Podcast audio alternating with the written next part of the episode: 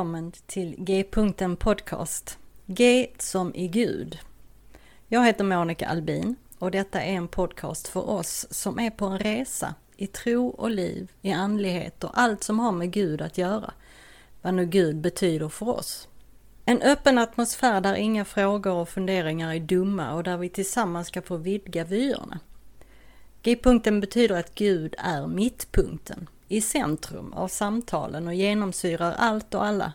Och därifrån är vägarna öppna att fortsätta framåt och utforska nya vyer. Samtala de stora frågorna på ett vardagligt sätt hoppas jag att podcasten ska kunna erbjuda. Tack för att du vill vara med på den här resan. Så välkommen på resan mot G-punkten.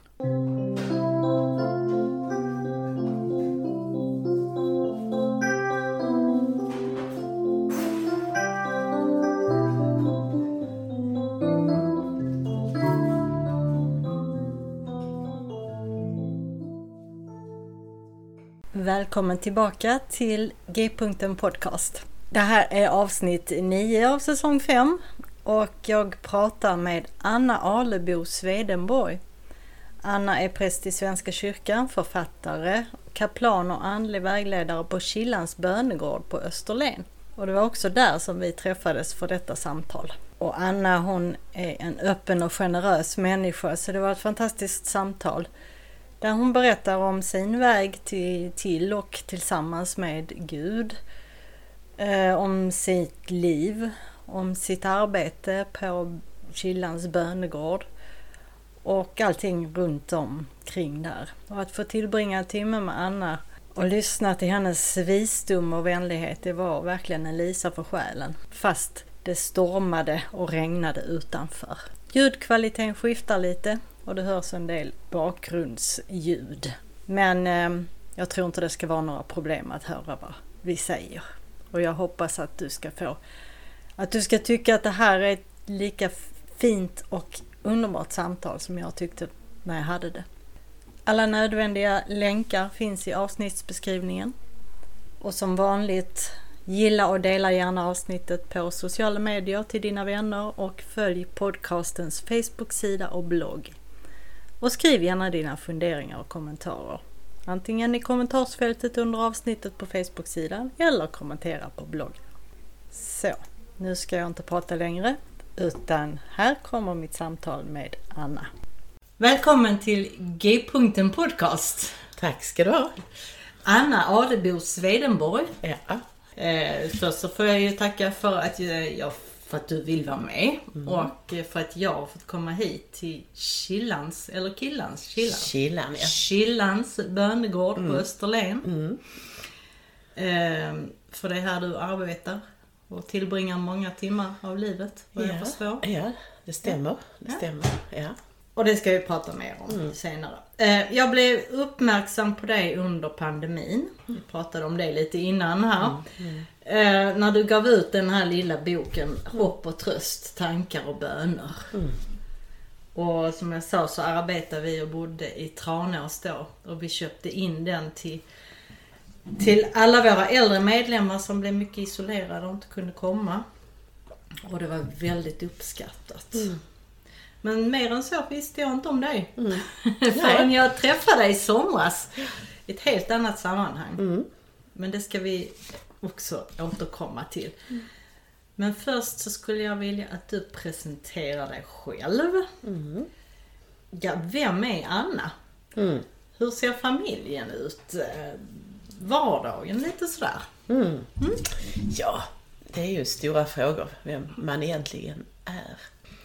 Men jag är då född här på Österlen i en äppleodling. Oj. Det har kommit att prägla mycket av min, mitt liv. Att jag växte upp bland äpplen och päron och jordgubbar. Wow. Och var en del av en familj, ett litet, litet familjeföretag är det ju då, en äppleodling. Där jag faktiskt behövdes väldigt mycket. Alla vi systrar, vi behövdes och det var, det var bara gott att känna att jag hade en plats, en Mm. uppgift redan från liten ålder. Så jag växte upp här eh, nära Stenshuvud och eh, inte så aktiv i kyrkan mer än att mina föräldrar var, kan man väl säga, folkkyrkliga. Svenska kyrkan tillhörde men var lite, lite lagom. Um, gick i gudstjänst någon gång. Om, om mor ville brukar jag säga. Mm. Och bilen startade för det gjorde inte alltid på vintern minns jag. Um, men um, Gud hittade mig. Egentligen kanske, ja, jag döptes, konfirmerades men det var nog framförallt genom naturen och vandringar ner till havet som mm. där Gud hittade mig. Så Österlen är förstås en viktig plats på det sättet. Och mitt namn Alebo, det kommer av Albo härad. Ah. som min farfar och hans syskon tog det namnet. Ehm, och la till ett litet E i mitten. Och sen då för några år sedan, ja det var under pandemin, så min mor Ulla dog. Mm. Eller hon gjorde sin himlafärd. Mm. Och hon eh, kom från släkten Swedenborg. Mm. Så därför, det var nog i sorgen efter henne och att känna närhet till henne som jag då återtog det namnet. Och jag, sen 20 år eller 22 år finns den här bönegården. och jag har varit med och startat den. Så det här är ju ett, ett litet hjärte projekt. Mm. så jag har ju vistats här i östra Vemmerlöv som det heter. I, mer eller mindre eh, i 22, eller 20 år. Bönegården fyller 20 nu till våren. Mm. Men bönegemenskapen fanns två år tidigare. Mm. Eh, jag eh, har två vuxna barn. Mycket vuxna är de nu. mycket vuxna. Eh, mycket vuxna. De har själva barn. Så jag är både mormor och farmor. Åh, oh, grattis. Mm. Och så har jag en man som heter Lars som mm. också är präst. Vi delar den här, ja, vårt uppdrag, den kallelse vi känner. Ja. Bön, bönegemenskapen har, um, det ägnar oss åt bön huvudsakligen. Mm. Och andlig vägledning. Mm. Ja, du sa att din, äh, ni var folkkyrkliga, typ. Mm. Mm. typ. Ja, ja, ja. ja, hur ska man beskriva det? Ja, Men det, det är nog något sånt, ja. ja. Mm. När var det ungefär under din uppväxt som du upplevde att eh, Gud fann dig? Ja, det här är ju något som jag kan se i backspegeln mer än, än hur jag kunde se det i stunden. Men mm. Mm, alltså, jag redan som litet barn så hade jag sådana erfarenheter som på något vis, eh, ja, jag erfor saker som, mm, mm. som jag nu kan säga att det var nog Guds sätt att visa den här lilla flickan mm. eh, sin närvaro. Mm. Och att jag var öppen för det. Så jag hade någon sån upplevelse när jag var bara fem sex år. När jag var i badrummet på gården där, där jag växte upp och, och um, såg en dörr över en alldeles, alldeles slät badrumsvägg mm. ovanför badkaret. Och jag, jag såg det så tydligt. Så jag gick och hämtade min mor som dammsög i rummet intill. Och så sa, för jag ville ju först berätta för henne att jag skulle ge mig... Jag skulle, ja, det låter ju väldigt märkligt men jag skulle ju förstås gå in där och tänka vad där fanns i den här lilla luckan. Men då var förstås den borta när mor kom. Ah. Ja. Och sådana saker hände när jag var barn. Ah, gud vad spännande. ja. Blev du, tyckte du det var läskigt eller tyckte du att det, det här var kul? Jag tyckte det bara var väldigt synd att jag inte kunde, alltså att jag missade chansen där. Så jag vet, jag tittade ofta efter den där igen. Ja. Men den har ju aldrig dykt upp. Den, den klarade inte ett vuxenöga, tänker jag. Nej, just det. Men jag har alltid haft den där um, känslan, tror jag, av att vara lite grann på gränsen mellan denna världen och en annan värld. Um, och det vet jag inte hur det kommer sig. En liten introvert människa antagligen. Mm. Uh, och sen när jag blev tonåring så, um, jag var ju, uh, som många tonåringar är, jag kände mig orolig. Och det var ju inte så, jag hade det jättebra, jag hade det bra på alla vis. Mm. Jag, hade, jag var jätteduktig i skolan, mina föräldrar var fantastiska. Så jag hade ju det väldigt, väldigt bra. Mm. Och ändå kände jag den här oron, den drog i mig. Så jag gav mig ut på långa, långa vandringar. Fotvandringar. alltså när jag kom upp i tonåren med kängor och Mm. fjällrävenjacka. Ja, okej. Och utan mobil, för det fanns ju faktiskt Nej, inte det då. fanns ju inte på den tiden. Nej. Röksignal. Ja, tänk vilken annorlunda. Mina föräldrar visste ju inte vad jag var. Nej, just det. Så jag vandrade och vandrade och det- jag upptäckte, tror jag då, att jag fick någon sorts ro. Och särskilt om jag gick ner till havet. Det var tre kilometer från gården Gladeholm där jag växte upp. Ner till havet. Och när jag kom där till strandkanten, där strand, stranden möter vattnet. Mm. Och här nere är det ju då alldeles utan någon skärgård. Det är bara öppet hav. Då kunde jag då kände jag mig alldeles, alldeles fri. Det, det, där, det var väl därför jag fortsatte vandra. Mm. Mm. För jag fick en, en ro där vid havet.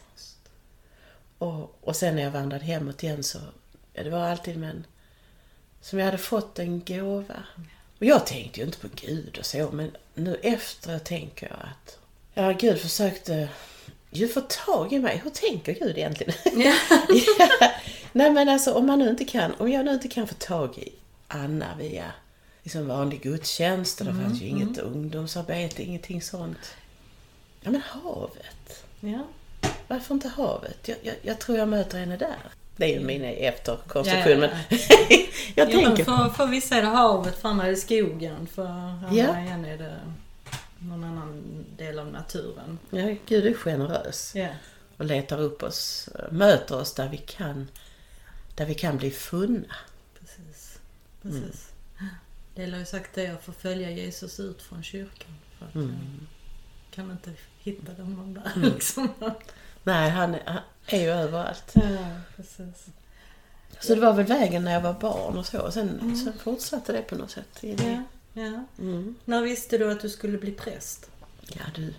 Jag kände en dragning till, alltså jag, jag har inte varit sådär, vissa säger det, ja nu vet jag.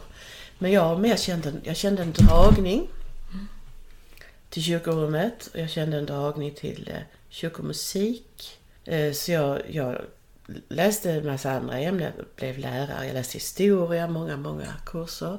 Skrev min trebetygsuppsats om kyrkorum. Varför står Södra Mjällby kyrka kvar? Nej, vad säger jag? Vitaby kyrka.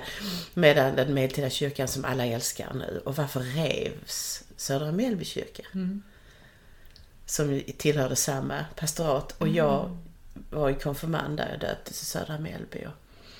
Jag hörde berättelserna om hur kyrkoherden hade stått och gråtit när de rev Södra Mjällby kyrka på 1800-talets slut. Och jag blev så fascinerad av... Alltså det var ju Guds sätt att Mm. dra mig in i, i det också, fast via historia. Så blev jag lärare i historia, samhällskunskap och geografi. Men kände fortfarande den där längtan och försökte på alla sätt komma in i kyrkans värld. Så jag tänkte, men jag måste nu läsa teologi. Och det var det på ett lärarrum faktiskt, där jag jobbade i Småland, i, Mönsterås. Eh, som högstadielärare så sa um, Helena, hette hon, min kollega. Anna sa hon, varför blir du inte präst? och då på något vis kunde jag bejaka min inre kallelse. Ja. Så började jag ju, och då var jag ju 26, kanske 27. Mm. Och då skulle jag precis börja läsa teologi, så jag har liksom mycket utbildningar med mig. Ja. Det blev många års studier. Mm. Jag tänker på det du sa, att du har alltid känt att du har liksom varit mellan två världar, eller hur du uttryckte det. En del hade nog kallat dig medium då. Alltså, om, om, du hade, om du inte hade haft den här kanske bakgrunden med, att- med ändå folkkyrklighet eller Gud så här. Mm. Så kanske det, alltså, Mm. Det hade gått en annan väg. Jag hade jobbat som medium istället. Ja. Alltså jag, jag har ju tänkt, det hade ju varit roligt att kunna ha den gåvan men alltså jag, jag har ju inte den gåvan att jag kan, jag ser ju inte alla andra människor och så utan det har mer varit den vägen som, där jag har känt igen mig mest är den ignatianska. Ja, ja, ja. Ignatius av Loyola. Och det finns ju hela kristenheten, men att se att Gud är i allt. Alltså det här, någon sorts, att när, det finns en närvaro. Och jag blir lite rörd nu eh, när jag tänker på det för att det, det är det jag alltid har känt tror jag. Mm. Så det var bra att du ställde den frågan. För det är mer då att jag har känt att det finns en förtätning i allting. Ja. Och om jag bara stillar mig, jag är ändå uppväxt långt ifrån inga vänner, inget, ingenting där ute på landet. Och, och som sagt, det fanns ju inget att förströ sig med på den tiden. Så jag har alltid, eh, och min mormor berättade mycket om de stora skogarna. Hon var från Västergötland. Eh, och det var alltid en känsla av, alltså det finns något mer än det jag kan se. Och det har ju varit då innan jag blev, innan jag kunde säga att jag var kristen. Ja, Så någon förtätning. ja precis. Och jag kan, så fort jag stillar mig så kommer jag ju i kontakt med det. Men det gäller ju att jag ska göra det då, att stilla mig. Det är väl det som är den stora grejen för oss alla kanske. Eller hur? Um, jag kanske fortsätter med den frågan nu. Hur har din tro förändrats under ditt liv? Det var ju ingen som bad böner med mig när jag var barn. Så att det var ju inte så att jag har inte med mig det. Men däremot gick jag ju söndagsskola. För det gjorde ju alla i stort sett. och då, jag, alltså jag vet inte, då, då eh, jag var, fick gå med redan när jag var sex år för jag hade en äldre syster som Lena som kunde hålla ordning på mig. Så jag var med lite för tidigt och då vet jag att jag kom hem eh, en dag från söndagsskolan. Jag var väldigt, väldigt, väldigt blyg. Otroligt blyg. Så sa jag till min mor att jag vill inte gå längre i söndagsskolan. Hon undrade förstås varför. Och då sa jag att jo, de bara pratar om Jesus och Jesus hela tiden. Och det kan ju inte vara så roligt för honom. Så jag, jag kände nu väldigt, jag var så blyg själv och så bara pratade med honom. Han var ju inte där. Ehm, så jag kan inte säga att jag har haft den Jesus liksom närheten. Men jag har haft någon sorts... Jag har ändå haft... eh, Han har ju funnits där. Men jag har, jag har ju inte... Jag har inte känt att han har varit med mig. Utan det har ju... Det kom ju då via naturen kan man säga mer. Och som sagt historia, kyrkorum, musik. Och sen då... Så det är lustigt alltså hur Gud kallar en. Så när jag blev prästvigd, och det var ju redan ehm, 97, nej 95 var det nog ja. 95 blev jag prästvigd. Och bara kanske ett, ja, två år senare så kan man säga att hela mitt, mitt liv på många fronter rasade ihop.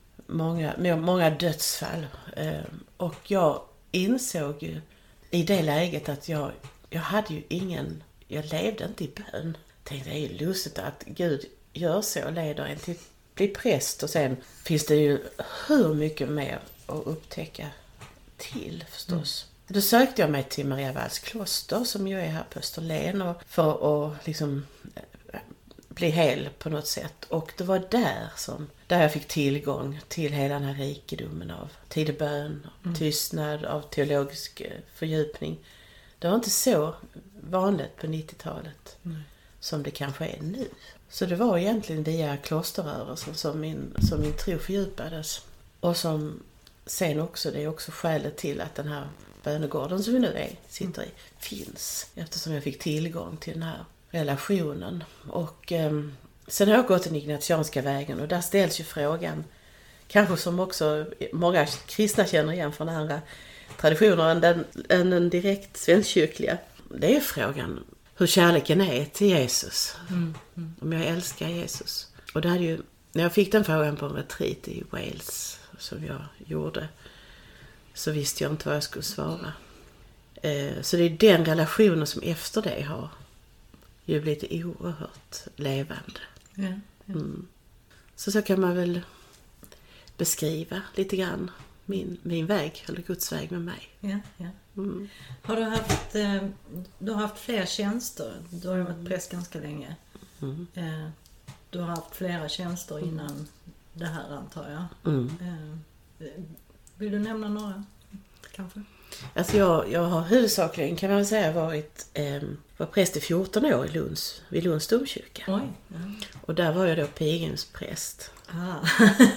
Okej. Och det fanns ju ingen sån innan. Nej. Utan pilgrimsrörelsen kom ju väldigt starkt på 90-talets slut. Mm. Och jag tyckte först att det var ganska tramsigt med pilgrimer som vandrade omkring. Tills jag själv provade. Du Och- har ju lite vandrare ju, så att... Ja, eller hur? Det fanns ju. Gud hittar mig där. Ja, ja, ja. Så att det var ju inte så långsökt. Och att vandra i tystnad har ju varit den stora saken med för mig. Ja. Så jag var pilgrimspräst i 14 år från 2005 tror jag. Och då var det ju en tjänst som, eh, som faktiskt skapades då. Att vara vid domen eftersom pilgrim är en sån stark eh, rörelse just nu. Mm. Och det har ju inte avtagit. Nej, nej. Sen, sen kände jag väl att jag hela tiden parallellt hade arbetat ideellt med Kilans bönegård och, och eh, kände att det, det är här som jag skulle vilja, ja det var tid att fördjupa detta. Så då eh, sa jag upp mig från eh, domkyrkan och sen är jag då anställd nu av den här ideella föreningen som det är. Ah. Mm. Så det är inte Svenska kyrkan som har den här bö- bönegården? Nej, det kan man inte säga. Nej. Organisatoriskt sett är det inte det. Många av oss är ju, jag är inte anställd av kyrkan, nej. Nej. Utan, eh, men vi har en väldigt nära relation till, har vi haft till alla biskoparna. Ja. Eh, vårt, vi avverkar nu vår tredje biskop. och Johan Thorberg som är eh, Lunds stifts nuvarande biskop, honom valde vi till eh, bönegemenskapens visitator nu detta året. eh, Eller förra året var det ja. Så att vi har ju en väldigt nära relation till just biskopen. Bra. Och där har jag ju, eh, vi samtalar regelbundet om den här vä- vägen, om, om retriter och Ja, andlig vägledning och hur vi kan liksom göra det här mer tillgängligt för Ja. så många som möjligt. Ja. Mm. Ditt jobb här som eh, kaplan och, och andlig vägledare. Vad innebär det egentligen? Andlig vägledare, kaplan på Ja. bönegård. Ja, ja, alltså att vara kaplan ja. för en ideell rörelse som detta är. Och vi är ju då en ideell rörelseförening som är en bönegemenskap. Det är vår första, det viktigaste, att vi ber tillsammans. Och vi har små eh, bönegrupper, kommunitetsgrupper kan man kalla det, som, som, eh, där vi möts regelbundet för att dela erfarenheter av bön och lova varandra att be och så vidare. Mm. Men vi har också, vi har det också kan jag säga, en bönegård. ja. Ibland tar den över alldeles för det är alltid så mycket att göra med en plats. Ja. Men det, vi, kunde, vi hade inte behövt ha en bönegård. Nej, okej. Men den är ett jättebra redskap för oss. Mm. Men vårt, det viktigaste syftet med vår bönegemenskap som har varit ända sedan 2002 då vi började be tillsammans, det var att vi vill öva oss att be tillsammans för eh, att kunna leva i bön i vardagen. Mm. Mm. Så att vi söker oss till bönegården som en plats, en skyddad plats, en plats där tystnaden då är given. Och lyssnandet kan bli starkare än kanske i vardagen. Och där vi lyssnar in, kanske under en reträtt, Guds närvaro och Guds väg med oss. Men sen för att givetvis leva i bön i vardagen. Men den här, att vara kaplan då för bönegården och bönegemenskapen innebär ju till exempel nu att jag har beställt mat till en reträtt som börjar imorgon. Ehm, och allt det ska bäras in och sättas i kylskåp. Ehm, jag ska ställa i ordning bönegården för det har varit städning här. Otroligt mycket praktiska saker som ingen tror. Jag ska fylla skåpen med toalettpapper. med badrumsskåpen och se till att det finns lappar på alla rum så att alla vet vad som kommer att ske under reträtten. Så det är, det är väldigt mycket praktiskt arbete, det är väldigt mycket nätverksarbete. Mm. Att hålla kontakt med våra, alla våra medlemmar och vår hemsida och allt som finns. Så um, allt det där skulle jag kunna ha gjort utan att vara andlig vägledare eller personlig vägledare. Det är ju något som jag har utbildat mig till efterhand. Ja, vad det, innebär det? ja, det innebär, jag har gått, det finns ju många traditioner av andlig vägledning är ju så stort, det sker på många sätt i vår kyrka. Mm. Eller personlig vägledning. Ja. För att om man, bara för att Mm. jag avbryter, Nej. man eh, googlar på andlig vägledare utbildning så får man ju som alla de här då, har liksom eh, schamanska och sånt. Ja, men alla, Mm. alla andra traditioner först liksom. Just det. Innan det, ja, sen kommer det något från Svenska kyrkan där. Mm. Så, Ja. så att, eh, det, det är därför jag är Mm. ute efter, vad finns det för, liksom, vad, vad, vad gör man då som andlig vägledare Mm. ur den kristna Mm. traditionen? Ja, det du, det du säger nu är jätteviktigt för det, det är ett Ja. farligt ord. Ja, precis. Det är många Men ryggar. samtidigt kan Ja. man ju säga, alltså kristen andlig vägledare, det låter också liksom Mm. Konstigt. Ja. Och det har alltid funnits eh, Ja, visst. i hela... En, en, en kristen människa har ju alltid kunnat hjälpa en annan kristen Ja. människa att, att lyssna. Ja, ja, ja. Och det är det det egentligen handlar om. Att, eh, och det finns ju en fin ikon, vi har den inte här i detta rummet nu men Mm. det finns ju en jättefin ikon eh, med Abba Minas Mm. som vandrar med Jesus. Eh, och det kan man, om man googlar det så kan man, om man googlar på vänskapsikonen Mhm. så kommer den upp på nätet. Från Tessé. Eh, och den är från 300-talet tror jag, från Egypten där Abba Minas och Jesus går på samma väg. Lite grann som lärjungarna gick eh, till, till Emmaus. Fast de var ju då två. Mm. Och då går de, de är, det, det är en jättefin bild för vad kristen andlig eller personlig vägledning är för någonting. Ja. Den hjälper oss väldigt mycket. För att eh, då handlar det om att Abba Minas levde ju då på 500-talet. Alltså inte samtidigt när, men Jesus gick på jorden. Men det hindrar alltså inte Abba Minas från att vandra med Jesus. Och de är ungefär lika långa ser man på ikonen. Båda två har glorior. eh, och tittar man noga ser man att det är faktiskt så att Jesus lägger sin hand om eh, Abba Minas axlar. Mm. Tittar man noga ser man Jesu fingrar där som sticker fram. Mm. Mm. Och då tänker man oj då. Men, för det kan ju lite, kännas lite oj då, på, påträngande. Påträngande. Eller hur? Ja, ja, ja. Men då ska man titta lite längre ner på ikonen och se att de har ett stort öppet utrymme mellan sina kroppar. Ja. Alltså han, Jesus trycker inte Abba. Minas hårt intill sig utan han säger liksom mer du vet så här, "Ja, jag är här. Mm. Du vet att jag finns här bredvid. Och det är också tydligt på bilden att ehm, det händer något i den här relationen. Även om de inte ser på varandra. Så är det Abba Minas då som håller sina fingrar lyfta till en välsignelse. Jaha. Så att den här relationen är tydligen viktig för Abba Minas men inte bara för honom utan någonting händer då eh, i världen kan man väl säga. Guds välsignelse blir förmedlad via Abba Minas. Och då säger den ignatianska eller andliga traditionen kristna att om Abba Minas kan vandra med Jesus så kan ju du och jag. Så byt ut bilden Byt ut Abba Minas bild mot din egen. Mm. Och föreställ dig, med hjälp av den fantasi Gud har gett dig, för det är faktiskt Gud som har gett oss allt. Mm. Och lev dig in i det, att du vandrar där. Och det är den relationen egentligen som är fokus i vägledningen. Så det, det, det är givetvis Jesus, eller om man hellre vill relatera till helig ande eller Fadern eller skaparen. Återigen, vi väljer den väg där, där vi kan få ett möte med Gud. Men på bilden är det ju Jesus och det, det är då Jesus, eller Gud, som är den, den riktiga vägledaren. Den ikonen har vi alltid i rummet och em, det är det som våra reträtter handlar om. Att den som kommer ska ta Abba Minas plats. Mm. Ja. Och som det kallas i den här traditionen, att vandra, att vara pilgrim tillsammans med Jesus, eller Mästaren, eller Skaparen, eller Fadern.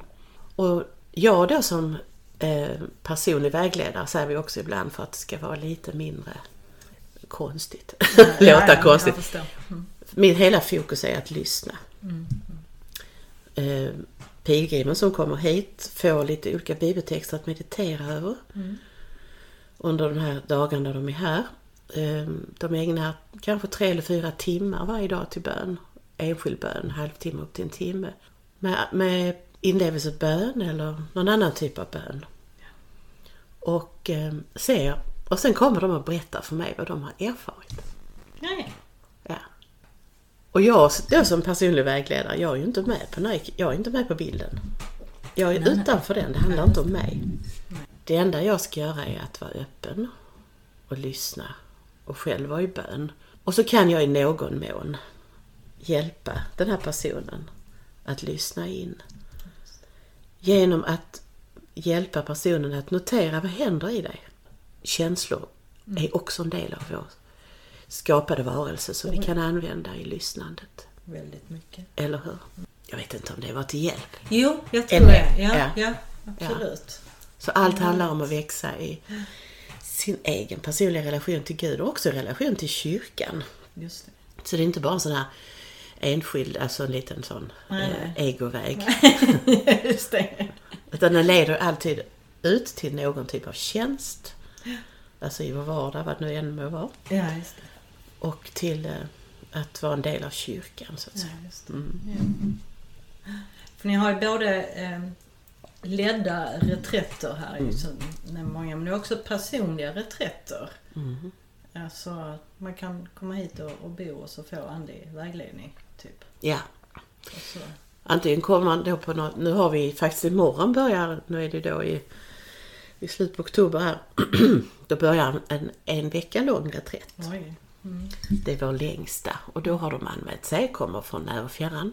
Eh, Och vi har ett antal killanvärdar som jobbar helt ideellt som ska se till att maten fungerar tillsammans med då och bönorna och alltihopa, allt det praktiska.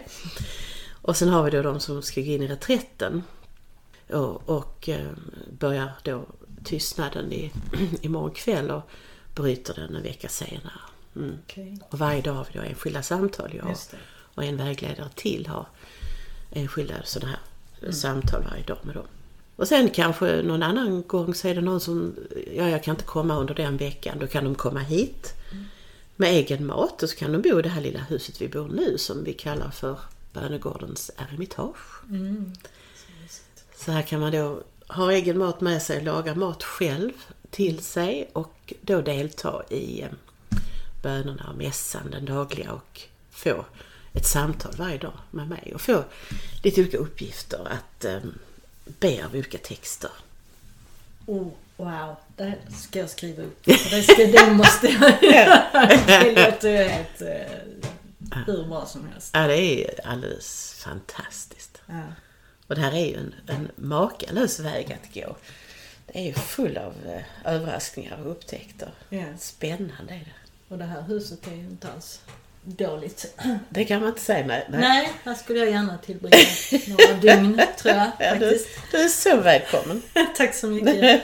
Men du, eh, ni har också en eh, labyrint här, Mm. vad jag förstår. Eh, prata om labyrinten. Ja, och då måste jag återigen, för det där triggar ju också igång eh, Ja. en del. Alltså för att, eh, oj oj oj, har det med kyrkan att göra? Ja, det är ju så att labyrinter har ju funnits, det finns i alla kulturer. Ja. I alla världsdelar där det bor människor och eh, i alla religioner tror jag. Att man har använt labyrinten som redskap. Just. Det är också då eh, mycket new age och så. Självklart den används på alla möjliga sätt. Men i kristet sammanhang så har den också, har vi hittat den, den äldsta kända labyrinten har man hittat i utgrävningar eh, från 300-talet om kyrkorna. Så kom inte säga att det är något nytt liksom. Precis. Utan jag tänker att alltid, i alla tider har väl krist, kyrkan använt de redskap som är möjliga. Gud ger oss en massa olika möjligheter och vi, om de som leder till en de som fungerar och leder till en levande gudsrelation, de kan vi använda. Och labyrinten har uppenbarligen varit det.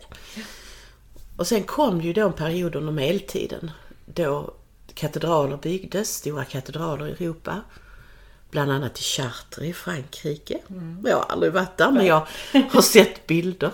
Och där byggde man ju, hela golvet i katedralen är ju en stor labyrint. Ah, kul. Det är bara alltså färg, färgskiftningar i, sten, i stenarna. Det kallas för Chartres-labyrinten, den modellen. Och sen har, har det då vid alla stora pilgrimsmål under medeltiden så byggde man också en labyrint. Och då sa man att Ja, det, det var förstås det ultimata om man kunde vandra till Rom eller till Jerusalem eller Santiago de Compostela. Men alla kunde inte det. Och då byggde man en labyrint så att alla ändå skulle ha möjlighet. Ehm, och i det, då är symboliken den att ehm, det finns mycket symbolik kring en labyrint. Men en av dem är att mittpunkten i labyrinten, det är den heliga platsen. Det är målet. Gudsmötet, för gudsmötet. Jerusalem. I den, I den meningen att det är en helig plats, alltså det är platsen där Kristus uppstår. Eh, Där döden besegras och det nya livet eh, eh, strömmar.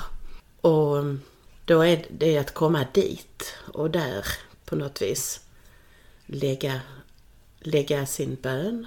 Eh, eh, tala med Gud om vad, vad man längtar efter eller behöver. Och sen återvända ut igen. Och i, vid Lunds domkyrka, när vi renoverade domkyrkoplatsen, eller den byggdes om i samband med att domkyrkoforum byggdes för ett- drygt tio år sedan. Då hade vi besökt en massa katedraler i England och så. Det fanns både gamla och nya labyrinter. Vi insåg att, ja men oj. Så vi anlade en labyrint där på domkyrkoplatsen i Lund. Och den är så fin för att det är också bara en skiftning Ah, i eh, markbeläggningen, i stenen. En fyrkantig labyrint.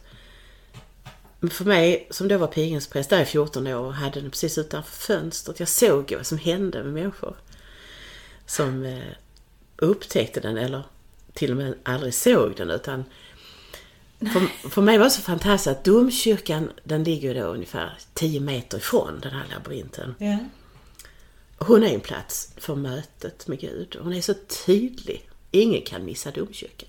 Nej, nej. Man kan liksom inte gå rakt fram och säga oj, nej. det oj, känns. Är det och i höjd med mittskeppsaltaret, Ja. det allra heligaste då i kyrkan, eller en av de heligaste platserna. Fast ute på det öppna torget, där ligger då den här labyrinten med sin mittpunkt som ju också är en plats för gudsmötet. Alltså jag har ju varit där några gånger. Jag har aldrig sett någon labyrint. Du har kanske... bara gått rakt liksom. Ja, och det gör jättemånga. Ja. Och det är, en- det är en så fin bild tycker jag av att Gud finns med oss i, Ja, ja. varje, steg, Oavsett. i varje steg vi tar. Oavsett om vi upptäcker Gud eller inte. Ja, mm. Men Gud är där och väntar tålmodigt. Och en dag så upptäcker vi, wow! Ja, nästa gång detta? kommer jag ju upptäcka det så är det ju bara. Ja, ja, Men det är... ja. Ja men det, det är väl här, nu har ni, nu har ni en labyrint här. Och den är helt Ja. annorlunda. Vi har i samarbete med den församling som vi hyr av här, det heter ju Gärsnäs församling, Mm. så har vi anlagt en labyrint nere på kyrkogården, den, den, den östra kyrkogården.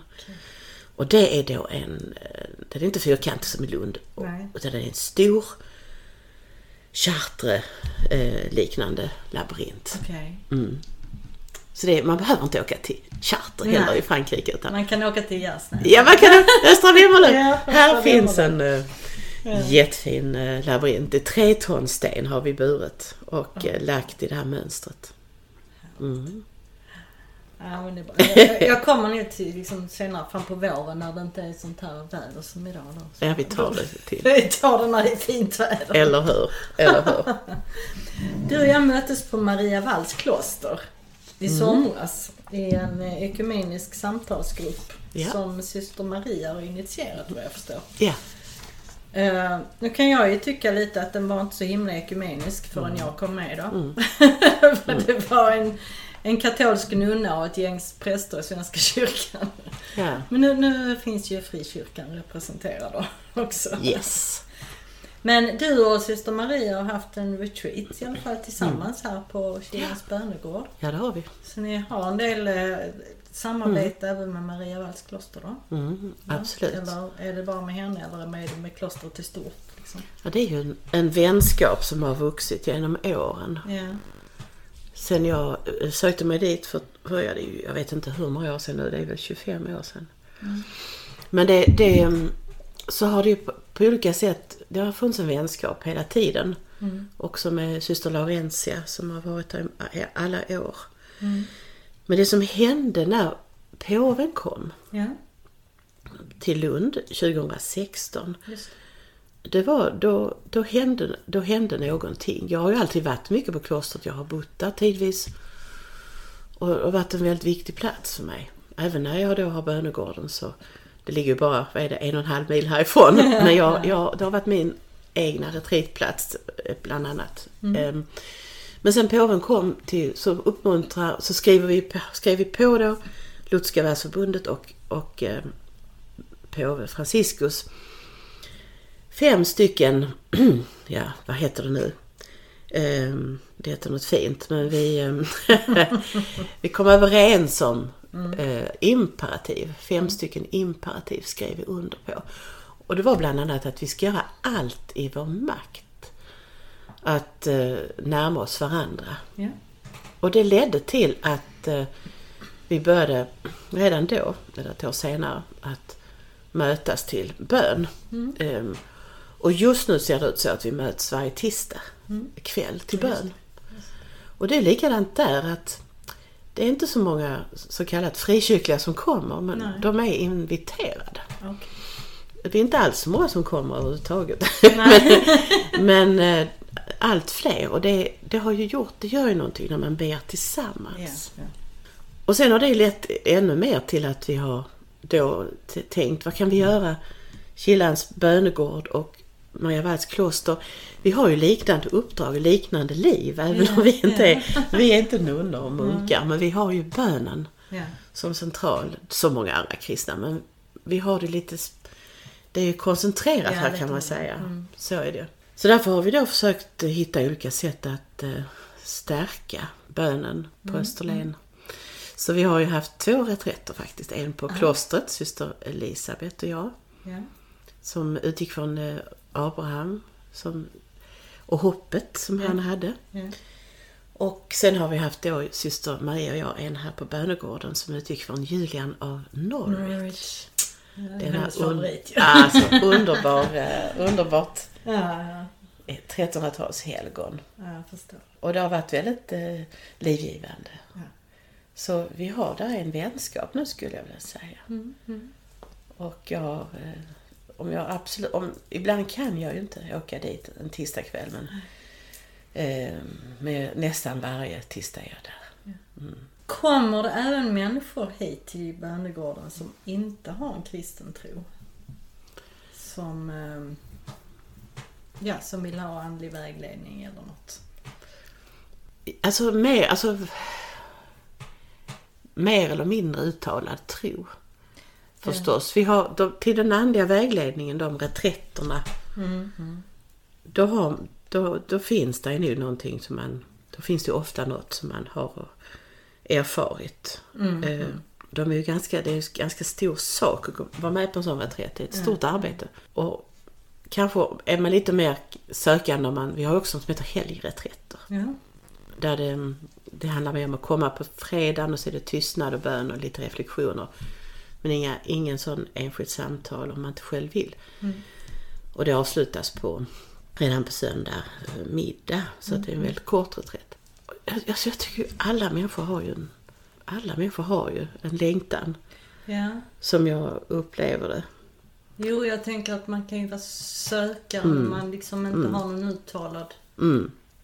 Tro eller så. Ja. Egentligen. Mm. Ja, men det, bra fråga. Det var kanske lite mer så tidigare. Att kanske har Kilans bön. Alltså alla är välkomna. Ja, ja, ja. Så ja, är det ju. Jo, jag förstår det. Ja. Det, var, det, är, det är mer det jag är ute efter. Hur mm. gör Mm. Hur gör man med den här andliga vägledningen då? Jag antar att du inte mm. kör liksom evangeliststuket på mm. det. Utan Nej, om man har en, är man bara öppen, alltså man måste ju kunna säga att jag, det finns någonting jag, jag längtar efter någonting. Eller mm, mm. om man inte längtar så ja, man kanske längtar efter att kunna längta. Ja, just det. Jo, För, man söker ju någonting om man söker sig hit. Ja, ja. Så är det ju. Ja. Och då precis som att Gud fann mig vid stranden. Mm. Så måste jag ju då lyssna in var, var finns den här personen? Mm. Var finns den här beröringspunkten? När kan den här personen säga att eh, när händer det någonting i hennes eller hans inre? Och då kan det ju vara så att, eh, att det faktiskt är i naturen. Ja. Franciscus av Assisi säger ju Mm. att naturen är Guds första eh, heliga skrift Ja, till precis. människan. Ja. Och det är ju det, är det skapade. Eh, men, men man kanske inte kan se skaparen, Nej. men man kan se det, det vackra som, som eh, skaparen ger. Jo, man möter skaparen genom skapelsen. Ja, ja. Och jag tänker att jag, det var kanske lite mer så att jag mötte många längtare som till och med kunde vara lite alltså, mot kristen tro Ja, ja, ja. när jag var pilgrimspräst. Ja. Men eh, där kunde det komma människor med starkt motstånd mot kyrkan även om det stod att nu, vi gick mellan Lund och Sankt Olof i tio års tid. Fem dagar tog det fram. Vi gick från den 25 till 29 juli. Där kunde komma personer som anmälde sig till den här vandringen. Och det stod Svenska kyrkan och präst ska leda det och eh, varje dag är det bön. Men som ändå kunde komma en väldigt skeptisk eh, ett rent av motstånd. Men eh, det, vandringen och tystnaden och alltihopa öppnade ju upp någonting. Mm. Gud har ju lagt ner längtan i varje människa. Så det gäller ju bara att eh, kunna finnas där bredvid. Och, Ja, och det är ju oftast inte själva... Det är ju inte, det är inte Gud man har någonting emot utan det är auktoriteten, kyrkan, ja, alltså organisationen Ja. oftast. ja, Som man eh, kan ha varit blivit besviken på. Eller, ja. Ibland är det någon släkting långt bak i tiden som har blivit illa behandlad. Ja, just. Och så tänker man, ja, det var ju ett hundra år sedan. Ja. Men det sitter, Den sitter så otroligt djupt. Och kyrkan har sig själv att skylla med den stats, Svenska kyrkans statskyrka Ja. har ju, har ju sitt arv som fortfarande... Jag menar det fanns ju otroligt gott, mycket gott där och välsignat men det har också burit med sig en del sår och Mm. det är inte över med det. Nej. Kanske står vi inför en ny tid nu där Ja, mycket är, mycket är glömt och eh, man kommer ganska tom och Ja. öppen till kyrkan. Ja. Mycket har hänt. mycket har hänt. Mm. Är, jag tycker det är intressant det här med att eh, man säger att Sverige är så sekulariserat. Men Mm. här, Jesus vad det finns mycket Eh, människor som, alltså Mm. spiritualiteten, andligheten är ju stor som bara den. Mm. Ja. Så mycket Men yoga man, man söker sig bara inte just till kyrkan och kyrkorummet. Men. Man förknippar inte. Vi förknippar inte. Du sa att du letade länge innan du hittade Svenska kyrkan och andlig vägledning. Ja. Och det var att en det är så att eh, Svenska kyrkan är fantastisk. Eh, Kyrkan är fantastisk Ja. menar jag. Inte, Ja. inte specifikt svenska Nej. men vi har en så otroligt lång tradition. Och eh, ibland, det tar ju också lång tid innan saker ändras. Så, ska, så ska det vara. Eh, i en kyrka med så lång, så lång tradition. Mm.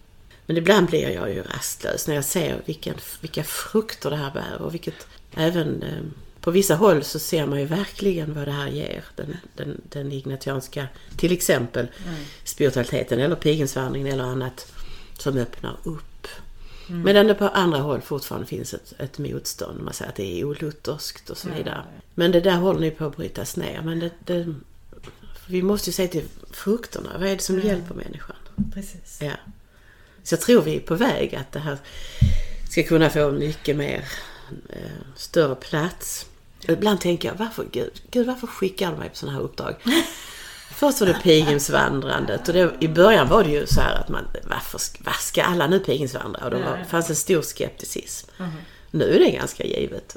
Och sen skickar Gud mig in i det här. Och jag, men jag tänker, och lite motstånd finns det ju då va.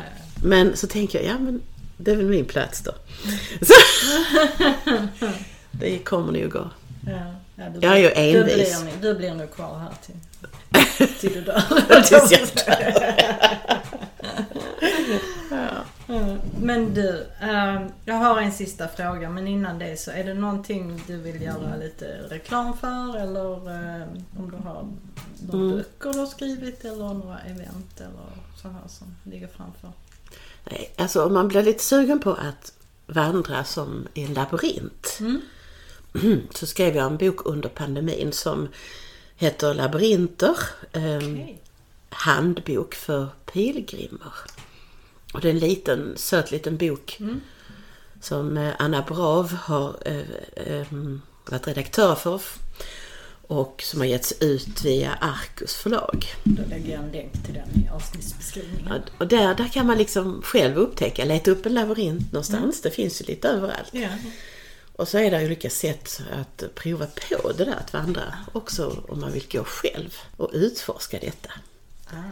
Så det, det kan jag ge reklam för faktiskt. För att det, det, jag tror att labyrinten hade kunnat vara till för många, många fler. Mm. Det är så enkelt och så bra. Sen, eh, sen undrade om jag skulle göra... Jo, jag, det finns ju dels kan man ju gå in och titta på Kilans fina hemsida Ja, som vi har Fått hjälp med. Lunds stift hjälper oss mycket så vi har Mm. fått, fått hjälp att göra en sån fin hemsida. Men sen är det då en, något som heter Kompass som jag verkligen också vill göra reklam för. Mm. Och Kompass är en fantastisk också ideell rörelse. Föreningen Kompass. Och den är ju nordisk och ekumenisk. Ja men den har jag sett på Equmeniakyrkans hemsida. Ja. Ekumenia är väldigt aktiva i Ja. Kompass. Där. Och det är, man kan säga att det är Kompass och som också har funnits nu kanske i, ja, sen eh, slut på 90-talet. Som är den, den rörelsen där jag också är med i och utbildar till, eh, erbjuder reträtter genom olika gårdar, bland annat Bönegården. Eh, Men också utbildar sådana som vill gå den här vägen. Och det är inte bara präster och diakoner utan det är, det är för varje människa som känner en kallelse att eh, kunna vara en lyssnare. Och det är en jättefin, eh, jättefin förening Ja. som gör ett stort arbete. Då lägger vi en länk till den också. Jättebra, jättebra. Och sen man på Österlen tycker jag absolut att man ska antingen komma på våra andliga samtal eh, som du och jag är med på. Ja. Kan man bara höra av sig till dig väl. Så. Absolut. Eh, Och, eh, eller på tisdagar till Maria Walls kloster. Just. Tänk om vi kunde vara många som samlades där 19.40 Just. varje tisdag. Just det. Och då sitter vi tillsammans med systrarna i samma rum. Samma, de går ju ner till oss i den tysta bönen inför sakramentet. Eller Kristi närvaro. Och sen går vi upp tillsammans i deras böneavdelning och ber Just. kompletorium tillsammans. Det. Det är väldigt fint. Och ju fler vi är som kan liksom bryta upp från vår bekvämlighet kanske och ta bilen dit, för då måste man ju tyvärr. Ja.